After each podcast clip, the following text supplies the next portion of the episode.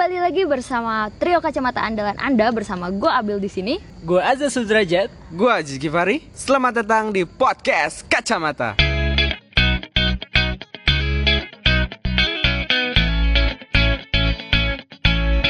Assalamualaikum warahmatullahi wabarakatuh. Kembali lagi bersama gue Aziz Givari. Namun di episode kali ini gue nggak ditemani Nabila dan Azat ya karena mereka lagi berhalangan. Cuman kali ini gue berhasil mendatangkan bintang tamu yang keren. Orang-orang sih manggilnya sebagai paman podcast dan dia juga banyak menginspirasi gue uh, dalam berkarya, dalam uh, pengembangan diri juga gitu. Eh, nggak uh, perlu panjang lebar, this is the one and only Iqbal Haryadi. Apa kabar bang? Hey, halo. Kabar baik, kabar baik guys. Thank you udah diundang ke sini. Iya. Uh, sebelumnya gue mau minta terima kasih juga berterima kasih juga ke Kang Coki ya karena lewat Kang Coki gue bisa langsung dapat nomor WhatsApp Bang Iqbal gitu. Jadi bang dulu uh, pas uh, pertama gue masuk JP ya Jomblo Produktif ditanya tuh kan sama Bang Coki apa tujuan kalian uh, masuk JP? Gue angkat tangan kan. Uh, salah satunya eh, salah satu tujuan gue masuk JP adalah biar biar bisa ngobrol sama Iqbal Haryadi, bisa ngobrol sama Mas Gun dan sama Bang Coki juga gitu.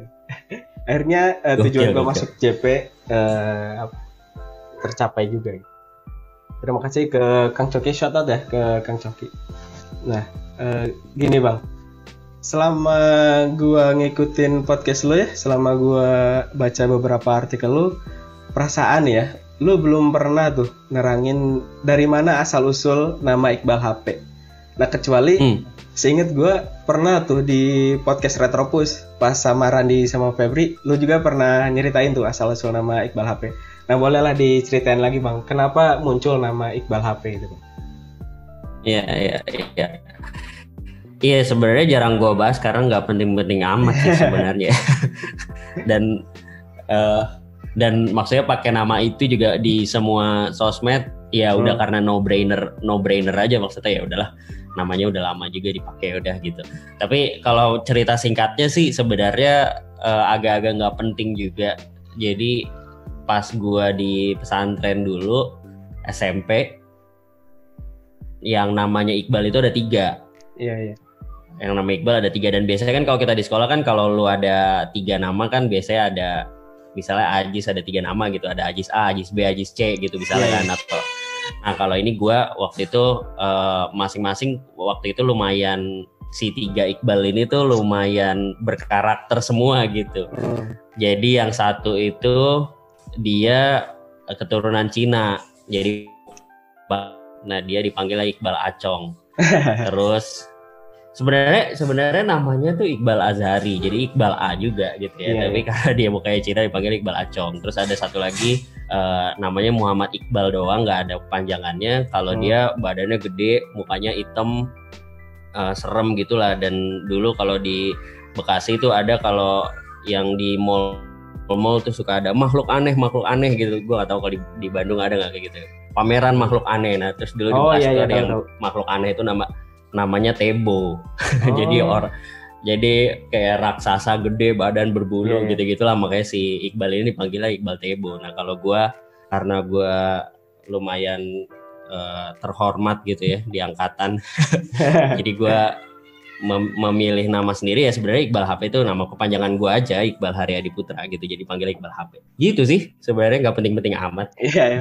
kalau kata Febri cocok tuh bang jadi reviewer gadget gitu ya. Gue pengen sebenarnya tapi ya susah nyari. Gue tuh lebih suka sebenarnya lebih kepengen dan lebih bisa kayaknya tuh nge-review software software gitu instead of gadget gadget gitu ya. Oh iya, iya. anyway gue coba mau elaborasi episode lu sebelumnya tuh yang satu tahun menjadi ayah hmm. uh, tentunya sebelum lo jadi ayah sebelum lo jadi suami gitu ada tahap di mana lo uh, memikirkan siapa jodoh gue siapa yang harus menamping hidup gue nah uh, gimana tuh lo menentukan bahwa wah ini nih jodoh gue nih gitu. itu tuh hmm. gimana bang atau lu mau nyeritain awal mula ketemu istri lu juga nggak apa-apa Oke. Okay. Uh, ya ini pertanyaan banyak orang kan ya, maksudnya banyak banyak jomblo lah gitu ya. Iya, iya. Eh, gimana caranya tahu dia itu orangnya gitu kan? Eh, how to know he, he or she is the one gitu. Hmm. Jadi sebenarnya gini, kalau kalau dari kalau dari pengalaman gua dan apa yang gua lewatin gitu ya, yang apa yang gua pelajarin dan apa yang gua lewatin dulu juga sebelum nikah gua nanya hal ini ke banyak orang, ke senior senior gua, ke kenalan kenalan gua, or- orang yang udah nikah lah intinya gitu. Em, yang pertanyaannya sama persis kayak gitu. Gua nanyain, eh lu gimana gimana caranya lu tahu dia orangnya gitu? Gimana Hmm. caranya lu yakin gue mau nikah sama dia gitu?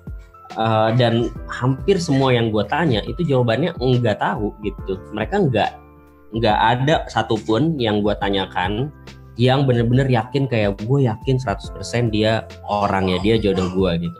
Iya. itu nggak ada gitu. Em, dan kal eh, ketika itu pun gue juga ketika gue dapet jawaban kayak gitu dan pada saat itu gue lagi mau menikah gue juga kayak lah gimana nih gue gue gimana caranya gue yakin sama jodoh gue gitu kan. Kalau gue tanyain ke orang-orang aja orang-orang nggak ada yang yakin gitu Iya, ya Nah, tapi terus gue sebenarnya menemukan jawabannya simple sih sebenarnya jawabannya. Ini ini kalau yang versi eh, berdasarkan agama Islam ya, gue nggak tahu Iya, iya. kalau yang di Islam betul saya agama aja jadi kurang tahu. tapi kalau kalau di Islam kan sebenarnya konsep nikah itu atau konsep jodoh itu simple ya. Eh, simpelnya simpelnya gini, ya itu eh jadi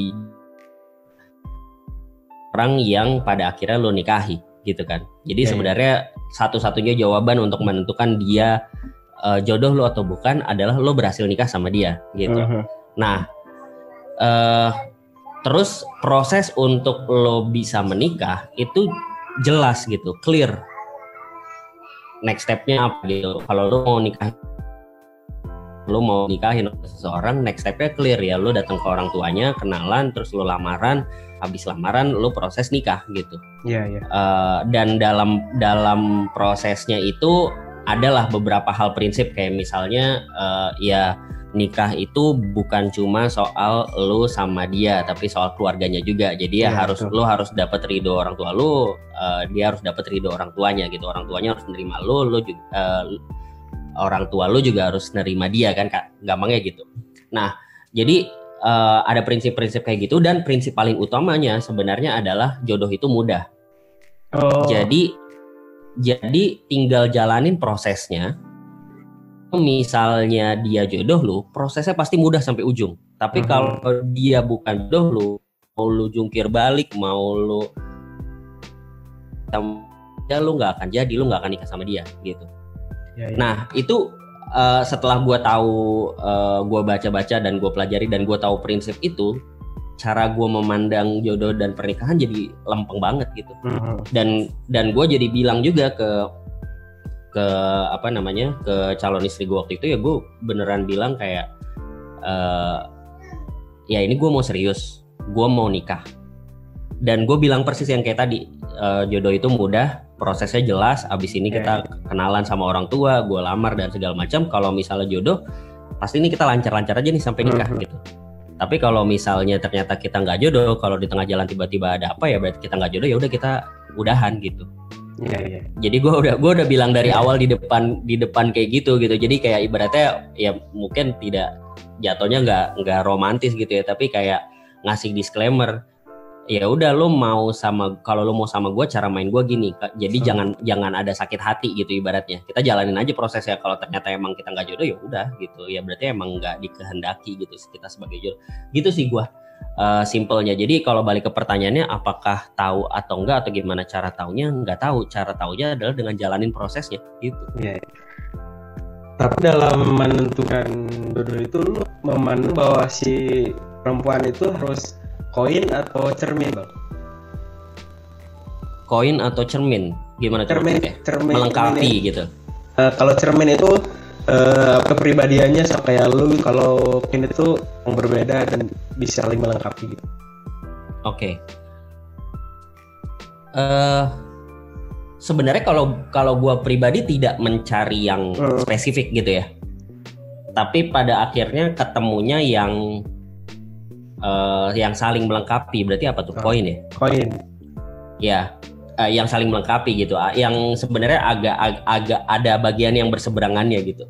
Dan menurut gua secara psikologis eh, secara saintifik mungkin ya gua nggak tahu sini mesti mesti cari lagi. Tapi kayaknya secara saintifik juga make sense lah gitu. Karena emang eh, harus harus ketemu sama orang yang berbeda sama kita sih gitu supaya bisa saling melengkapi gitu kalau kalau teori yang pernah gue baca misalnya eh, ada teori namanya rockstar gitu Ya, ya. Em, kalau lu mau kalau lu mau eh, seimbang kehidupan eh, berpasangannya gitu kehidupan rumah tangga ya harus ada yang jadi rock harus ada yang jadi star gitu Oh iya, gue pernah baca tuh di mana ya di tulisan lu juga pernah nulis kan kalau nggak salah. Mungkin ya nggak tahu gue lupa sih. Iya gitu. Jadi harus ada yang jadi batu harus ada yang jadi bintang. Nggak bisa dua-duanya jadi bintang. Karena kalau dua-duanya jadi bintang ya lu lihat aja banyak banyak banyak pasangan artis yang cerai tuh salah satunya karena itu ya. Dua-duanya pengen jadi bintang gitu. Tapi uh, poin bintangnya mungkin bukan soal kayak siapa yang uh, terkenal dan bukan itu ya. Tapi lebih ke kayak uh, ketika ada yang lagi ngejar sesuatu uh, yang satunya tuh harus jadi posi dalam posisi mendukung gitu Iya iya. jadi nggak bisa tuh dua-duanya Dua-duanya. ng- dua-duanya ngeja- uh, ngegas ke arah yang berbeda gitu itu udah pasti kacau tuh gitu nggak bisa gitu jadi either satu ngegas yang satu jagain gitu ibaratnya Mhm. eh, yang satu eh, jaga eh kayak kayak nyetir lah gitu nggak Iya, bisa iya. dua-duanya sopir gitu satu sopir satu co-driver co-driver lu bacain lu bacain peta aja terus kayak ngasih minum ngasih cemilan biar nggak ngantuk gitu-gitu kan Mhm. Eh, tapi eh, tapi bukan berarti suami misalnya ya suami cowok harus jadi sopirnya terus cewek harus jadi co-driver ya bisa juga Iya. kebalikan gitu Mhm. dan gue juga punya teori tidak harus selalu sepanjang hidup kayak gitu karena bisa jadi sebenarnya masalah rockstar itu ganti posisi jadi misalnya Iya, lima iya. tahun pertama ya karir cowoknya lagi meningkat banget ya udah ceweknya yang jadi pendukung tapi terus nanti lima tahun berikutnya ceweknya pengen eh, S2 nih nah pada saat itu si cowoknya yang kemudian jadi batu jadi pendukung ya Ya. udah deh gue yang jagain anak ce- ceweknya yang ini gitu tapi kalau dua-duanya ngegas nah itu biasanya sih jadi tantangan besar dan nggak banyak nggak banyak yang bisa me- apa ya melewati itu dengan baik lah gitu Iya iya. Oh, gue jadi ingat kata-kata teman gue tuh eh, ketika zaman ini katanya, ketika zaman Abu Bakar ada Umar yang ngegas, ada Abu Bakar yang ngerem katanya gitu. benar benar persis persis eh ini sorry agak loncat ya pertanyaan berikutnya. Eh, ketika kita ingin memulai sesuatu nih, memulai dari sesuatu yang kita berikan perhatian gitu, ketika kita coba untuk memberikan growth mindset, nah tapi di tengah jalan kita tuh agak ragu-ragu nih bang. Nah kapan sih kira- kira-kira kita bawa bilang bahwa kayaknya ini bukan jalannya deh. Kita Hmm. harus eh, jam ke eh, apa pun ini konteksnya misalnya apa misalnya eh, pilihan karir gitu Ah, pilihan karir atau lagi belajar skill apa pun. Oke. Eh, mungkin jawaban pertama gue adalah nggak ada formula pasti sih ya, Hmm. karena eh, tiap orang beda-beda. Jadi kayak ketika ditanya kayak gitu, gue juga nggak nggak bisa ngasih jawaban. Ya lu Spesifik. nunggu satu Hmm. tahun, nunggu dua tahun misalnya gitu nggak bisa juga karena tiap orang beda-beda, case-nya Iya, iya. berbeda-beda dan lain-lain dan dan nggak bisa di-apply ke semua orang lah gitu. Kalau satu kondisi nggak bisa di-apply ke semua orang. Em, tapi menurut gua ada beberapa uh, framework atau cara berpikir yang mungkin bisa diaplikasikan untuk menentukan apakah ini waktu yang tepat untuk uh, stop atau beralih ke, ke yang lain gitu. Ini dulu gue juga mungkin nyam- masih nyambung soal jodoh ya. Dulu gue sering ngobrol sama teman-teman gue uh, soal relationship tuh. Kalau di relationship misalnya kalau lu lagi berantem, uh, gimana lo tahu ini tuh koma atau titik gitu kan Ah, iya. Gimana tahu gimana lo tahu sebenarnya ini tuh cuma tantangan doang kalau lo lolos kalau lo lo- lolos lo bisa lebih baik gitu Uh, atau justru sebenarnya ini tuh titiknya udah dikasih tahu bahwa ya udah ini lu jangan di sini cari yang lain gitu kan Iya, iya. Nah, eh, ini ini kan kurang lebih konteksnya sama kan kayak gitu kan. Eh, menurut gue satu tadi tidak ada formula yang pasti, tapi kedua beberapa pola pikir atau framework yang menurut gue bisa diaplikasikan ya. Yang pertama adalah uh, ya mungkin lo harus punya ketika lo udah menentukan sesuatu, menjalankan sesuatu, lo harus punya milestone yang ingin lo kejar. Iya. Nah, jadi misalnya ketika lo, oke okay nih gue mau coba deh berkarir sebagai seorang video editor misalnya gitu ya. Hmm. Nah, uh, at least selama satu tahun ke depan lo punya cita-cita milestone. Jadi mungkin bukan bukan mimpi besar ya, tapi milestone yang lo cukup yakin ini tuh bisa dicapai uh, gitu. Capai. Selama satu tahun ke depan, misalnya milestone yang pengen gue kejar adalah gue bisa dapet uh, klien kerjaan dari uh, agensi besar misalnya gitu ya. Itu kan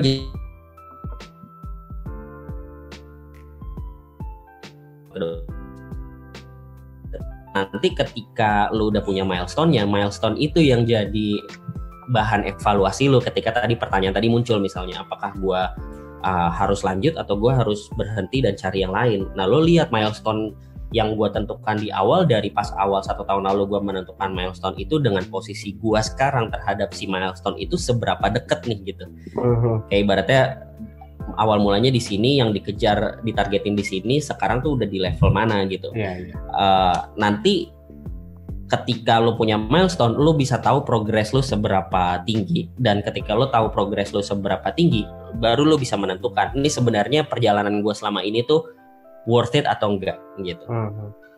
Karena bisa jadi skenario nya misalnya ternyata perja uh, perjalanan gue growth-nya ternyata milestone-nya belum nyampe sih gitu ya.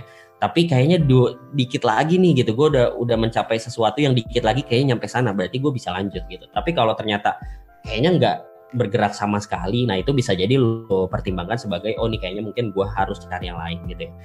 Uh, itu pola pikir satu menurut gue. Pola pikir kedua adalah soal time frame. Uh, ini beberapa ini hal yang atau teorema di kepala gue yang juga lagi belakangan gue lagi pikirin.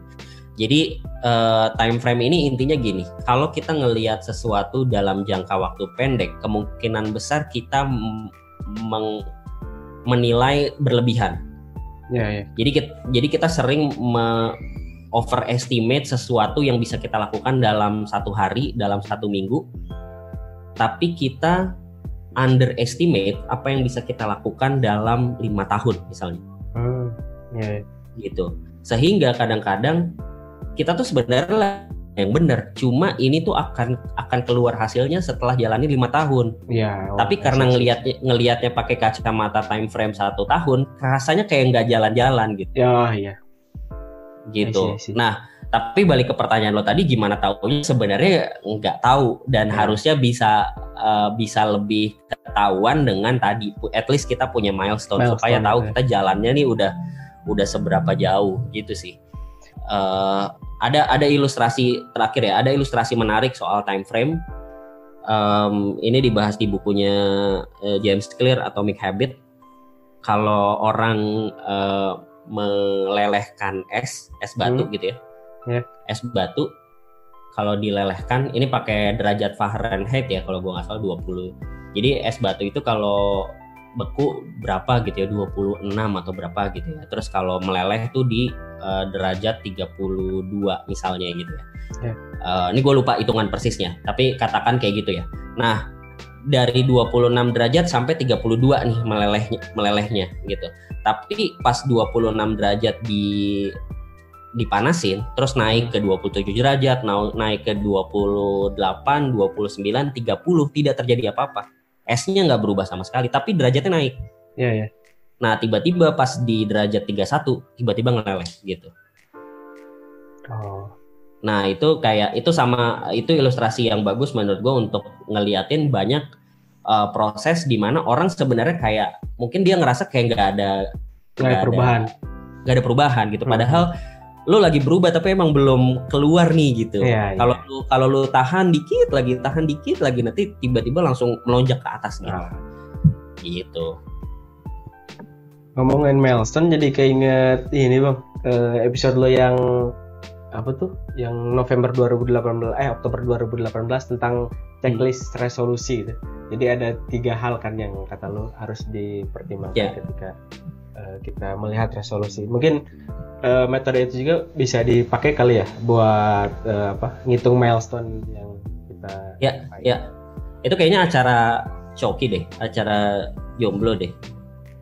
Eh, maksudnya Ah, eh, rekaman rekaman itu pas acara itu. Iya benar. Oke. Eh, itu bisa dipakai karena eh, sebenarnya kan simpelnya ketika lo mau melakukan sesuatu ya lo menentukan eh, targetnya apa eh, dalam bentuk yang spesifik gitu ya, yang tangible. Oke, yang mau gue kejar nih eh, berapa apa dalam waktu berapa lama gitu. Iya, iya. Nah itu yang nanti kemudian setelah eh, dijalankan setiap minggunya, setiap bulannya, tahun berikutnya ya tinggal dievaluasi dari target yang gue canangkan itu eh, seberapa jauh gue udah berjalan gitu. Mhm. Nah kalau selama lebih dari 10 tahun lu berkarya, kemudian mungkin lebih lima tahun mungkin dalam berkarir, ada nggak sih bang Ya. kegagalan yang si kegagalan itu tuh menyadarkan lu gitu, bikin eh, apa ya, ya sadar wah, guanya gue harus berubah nih. Ada? Hmm. Apa ya? Gue kadang suka eh, pertanyaan ini gue tanyakan ke diri gue sendiri dan gue terus terang susah ketemu jawabannya. Iya iya. karena kayaknya karena either gue jarang gagal tapi kayaknya nggak juga. Gabung. Di- karena kayak gue mudah move on gitu sih kayaknya. Ya. Oh iya iya. Eh, in general gitu ya. Tapi em, tentu ada banyak downs gitu ya. Kan ada ups ada downs. Eh, beberapa beberapa mungkin yang gue masih ingat adalah misalnya soal eh, ketika gue di kerjaan misalnya gue sempat burn out banget karena gue gua mengerjakan atau dapat responsibilities yang tidak sesuai dengan eh, strength gue Ah, uh, strength gue di uh, satu tempat di satu role gitu atau di satu responsibilities tapi gue justru disuruh Tempatnya. mengerjakan responsibilities yang di situlah sebenarnya weakness gue gitu. iya iya. dan dan itu awalnya gue juga nggak sadar gitu. Maksudnya awalnya gue berpikir dengan mindset kayak oh ya mungkin gue bisa coba gitu. Ya udah gue coba aja dulu. Gue bisa belajar dan segala macam tapi uh, setelah jalanin semakin keras gue berusaha semakin pusing uh, yang gue jalankan dan semakin burn out dan semakin Hmm. jelek performance gue dan uh, wah itu turunannya jadi ada banyak tuh. Jadi berantem sama uh, tim jadi apa dan kayak gitu gitulah jadi ada banyak uh, konsekuensinya. Yang kemudian sih uh, lessons learn-nya adalah memang ya cara terbaik untuk uh, growth adalah ya fokus ke strength aja gitu Uh, apa strength lo di mana uh, lo jalanin di situ sementara yang weakness lo lo coba cari partner atau orang yang bisa kolaborasi bantu di sisi itu gitu itu mungkin salah satu yang gue ingat ya Mhm. Ya, gue juga ada pertanyaan titipan nih bang sama dari temen gue yang mendengar podcast lu juga. Katanya, eh, menurut lu gimana nih eh, industri podcast ke depan melihat box to box eh, gencar banget gitu ya kemarin bikin box to box podcast speech, kemudian banyak Hmm. ngerekrut bahkan bikin studio di Bandung gitu. Nah ke depannya bakal kayak gimana nih bang?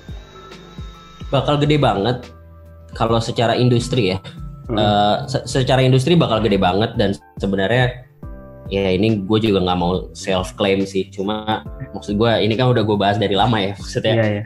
podcast akan gede dan lain-lain tapi memang gue juga gue juga tidak sebenarnya yang di Indonesia gue tidak expect adalah eh, Indonesia ternyata meledaknya tuh gara eh, lebih didorong sama selebritis gitu dibandingkan Hmm. dengan industrinya sendiri gitu Nah. jadi maksudnya podcast tuh naik karena nama-nama gede kayak Deddy Corbuzier terus kayak eh, siapalah sekarang hmm, semprot gitu ya Semprot, iya. ya Podcast Mas. artis-artis lah Iya, gitu. iya. Jadi em, itu yang itu yang gua nggak expect dan mungkin bukan s- satu tidak expect. Sebenarnya sih gua berharap eh, kalau tadinya gua berharap industrinya tuh berkembang lebih bottom dari community lah gitu Ya, ibaratnya iya. Eh, Kayak supaya stand up gitu ya. Kayak stand up betul. Uh, meskipun somehow ya stand up juga sama ya polanya ada ada nama-nama gede juga kan yang ikutan terus ke angkat itu pasti itu naturally sih. Tapi uh, dengan dengan kayak yang sekarang intinya balik ke pertanyaan tadi pastinya gede-gede banget karena nama-nama gede pun udah masuk uh, dan udah kelihatan banget kan bisnisnya. Maksudnya platform-platformnya juga sangat agresif, Spotify-nya sangat agresif, yeah, duit yeah. yang keluar gede-gedean gitu.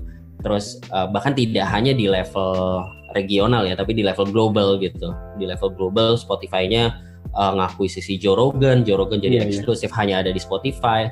Terus nanti juga di Spotify karena Joe Rogan masuk ke sini di YouTube dihapus, kemungkinan besar videonya juga akan ada di Spotify kayak gitu-gitu loh. Jadi the the industry, industry. going crazy pemain-pemain platformnya itu satu hal kemudian kedua secara teknologi dan uh, consumer behavior juga orang-orang kan sekarang uh, konsumsi audionya jauh lebih tinggi dibandingkan dengan growth konsumsi yang lain karena uh, audio adalah satu-satunya konten yang bisa dikonsumsi dengan multitasking gitu kan lo lo bisa sambil uh, lo bisa sambil pura-pura kerja, lo bisa sambil nyuci piring, lo bisa sambil apa pun, bisa sambil dengerin podcast atau lagu gitu. Um, di luar itu, kalau di Indonesia sendiri, menurut gua secara duit udah gede dan akan segera ke sana dan udah kelihatan kan maksudnya kenapa iya. box to box juga misalnya agresif banget ya karena duitnya ada gitu. Uh, uh, tapi menurut masih gap adalah yang ibu isi adalah podcast-podcast yang uh, temanya pendidikan. Hmm. Tapi tapi bukan bukan dalam artian harus yang uh, kategorinya tuh harus yang bahas self development bukan yang yeah. gitu ya. Tapi tapi pokoknya podcast yang menjalankan kontennya sebagai Nah, itu masih sangat sedikit di Indonesia. Hmm. Jadi uh, kalau di luar itu podcast-podcast itu emang udah jadi learning sources gitu dan learning sources yang semua topik tuh ada. Orang mau hmm. belajar marketing ada podcastnya, orang mau belajar bis ada podcastnya, orang mau belajar bahkan ngedit video ada podcastnya. Uh, orang mau belajar soal uh, dev apa jadi menjadi seorang developer, desainer, ada podcastnya gitu. Nah itu yang sekarang menurut gua uh, gapnya masih sangat terbuka lebar dan harusnya sih lebih banyak yang ngisi di bagian ini karena kalau ini keisi industrinya akan lebih mature menurut gua. Kenapa? Karena sekarang uh, uh, pengiklan itu nyarinya masih mungkin ya 80% nyarinya masih yang pendengarnya banyak. Iya. Yeah, Dan pendengarnya banyak itu kan kemungkinan besar Target, 80% ya? 80% adalah ya memang podcaster yang udah punya nama gitu. Yeah, yeah. Podcaster yang emang artis ibaratnya uh-huh. gitu yang punya followers banyak gitu. Jadi uh, selama selama masih kayak gitu ya duitnya masih akan berputar di mereka-mereka juga gitu ibaratnya. Kalau si term podcast ini menurut lu eh, terlalu overuse nggak sih bang?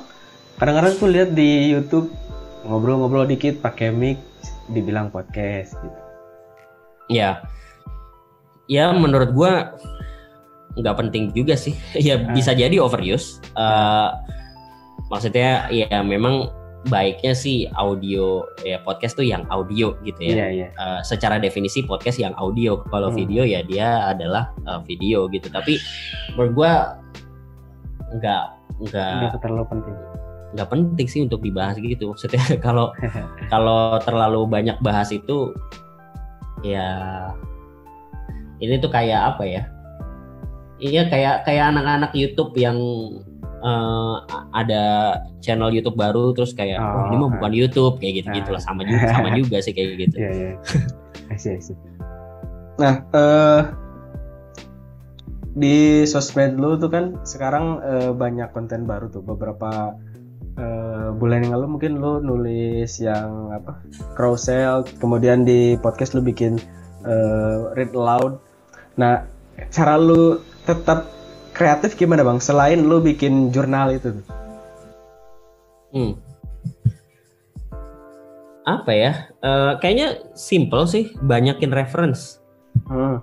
jadi ya uh, menurut gue gue baca di mana ya jadi creativity itu sebenarnya kayak main sulap yeah. Iya. uh, masalahnya bukan lu paling jago tapi lu tahu rahasianya dan orang nggak tahu gitu jadi uh, creativity kayak kalau nggak salah quote-nya adalah creativity is about having the source jadi sebenarnya kalau jadi gampangnya gini orang tuh kenapa sih ngelihat sesuatu jadi kreatif? Wah kreatif yeah, iya. banget gitu ya. Hmm. Sebenarnya as simple kebanyakan kasus as simple as karena orang nggak tahu orang ini tuh ngambil referensinya dari yang mana hmm. gitu. Oh orang dan orang-orang kebanyakan nggak tahu bahwa ada referensi itu sehingga pas orang ini keluar dengan uh, ide yang seperti itu mereka kayak wah gila ini kreatif banget. Padahal sesimpel karena mereka nggak tahu tuh di belakangnya dia ada source-nya dan segala macam hmm. gitu ada source inspirasinya. Sama lah kayak sulap kan. Sulap kan sebenarnya kalau kalau orang ngeluarin sulap set oh orang kaget dan segala macam. Tapi ketika orang tahu rahasianya lah gitu doang gue juga bisa ya kan? Yeah, yeah. yang masalahnya bukan lu bisa atau enggak tapi lu tahu atau enggak gitu kan hmm. gitu jadi jadi balik ke pertanyaan lu sebenarnya ya lu banyakin referensi aja gitu banyakin referensi dan dari referensi-referensi yang lu punya gimana caranya lu adaptasi dengan gaya lu sendiri kayak misalnya tadi yang lu sebut kenapa gua come out dengan read aloud adalah karena gua belakang waktu itu belakangan lagi dengerin audiobook gitu hmm. dan gua uh, ter terkesima lah gitu ya dengan uh, konsep audiobook karena gue jadi bisa mengkonsumsi sebuah buku tanpa harus membaca gitu tapi dengan mendengarkan dan ketika gue mendengarkan uh, sebuah tulisan yang dibacakan langsung oleh penulisnya itu gue uh, secara experience gue suka banget karena gue selalu ngerasa baca buku tuh kayak ngobrol sama penulisnya kalau gue lagi baca buku. Yeah, iya. nah, ketika gue dengerin audiobook, ini gue beneran denger suara penulisnya gitu. Jadi yeah, kayak yeah wah ini experience-nya jadi double banget gitu. Dan gue ah ya udahlah coba deh gue bikin di podcast gue gitu dengan dua pertimbangan. Satu pertimbangan tadi gue pengen coba approach yang uh, secara konsumsi gue suka sama yang kedua adalah karena secara produksi lebih gampang juga gitu. Hmm. uh, eh, gue nggak perlu ngeluang, ngeluangin waktu dan rekamannya juga asal kalau artikelnya berapa menit ya gue rekaman paling berapa lima menit tujuh menit gitu. Yeah. gitu sih kalau mungkin minjem istilah Austin Kleon still like an artist kali ya bang ya? Ngambil dari yes. banyak uh, seniman kemudian kita yeah. ramu jadi sesuatu yang jadi khas ya betul betul. November tahun lalu kan lu memulai subjektif runnya di Bandung.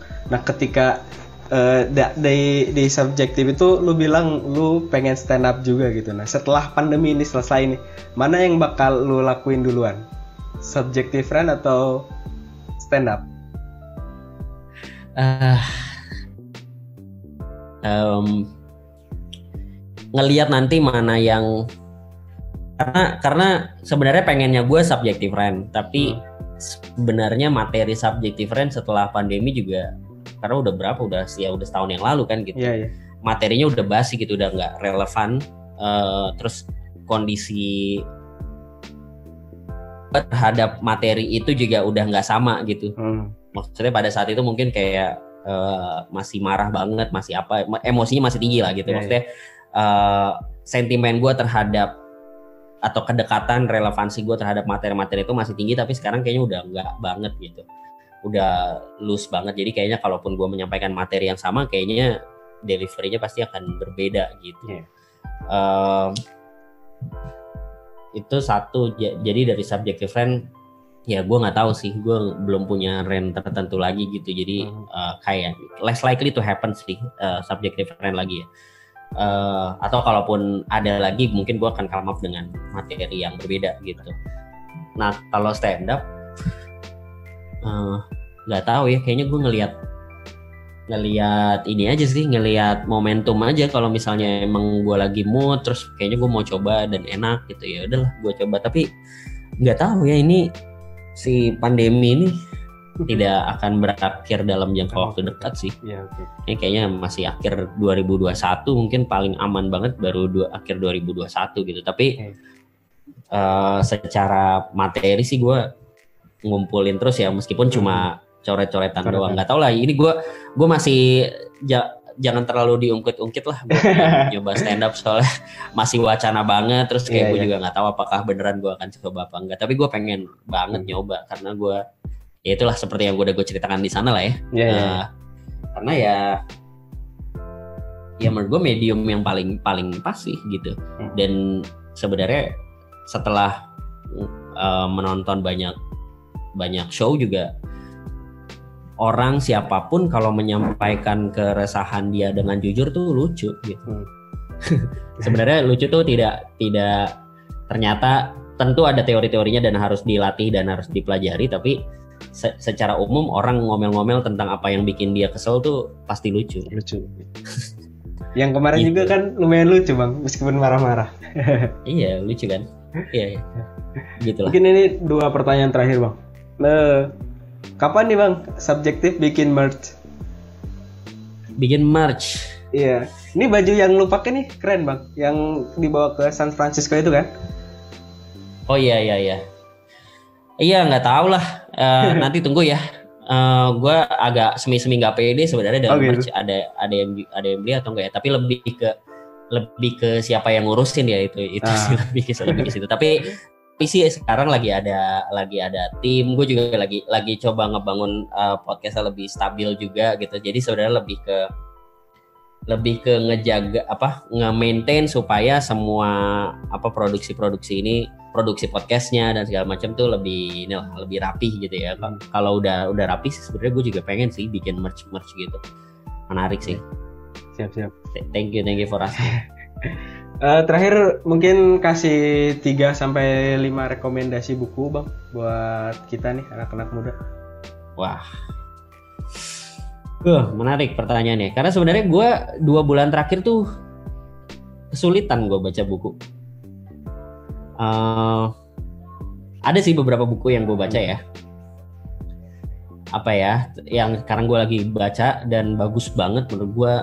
Ini buku yang harus dibaca sama mahasiswa tapi mahasiswa pasti males sih bacanya.